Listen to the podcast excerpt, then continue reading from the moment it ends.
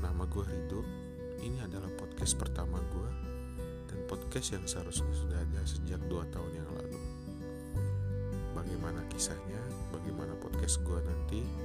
Tungguin aja ya. Bye.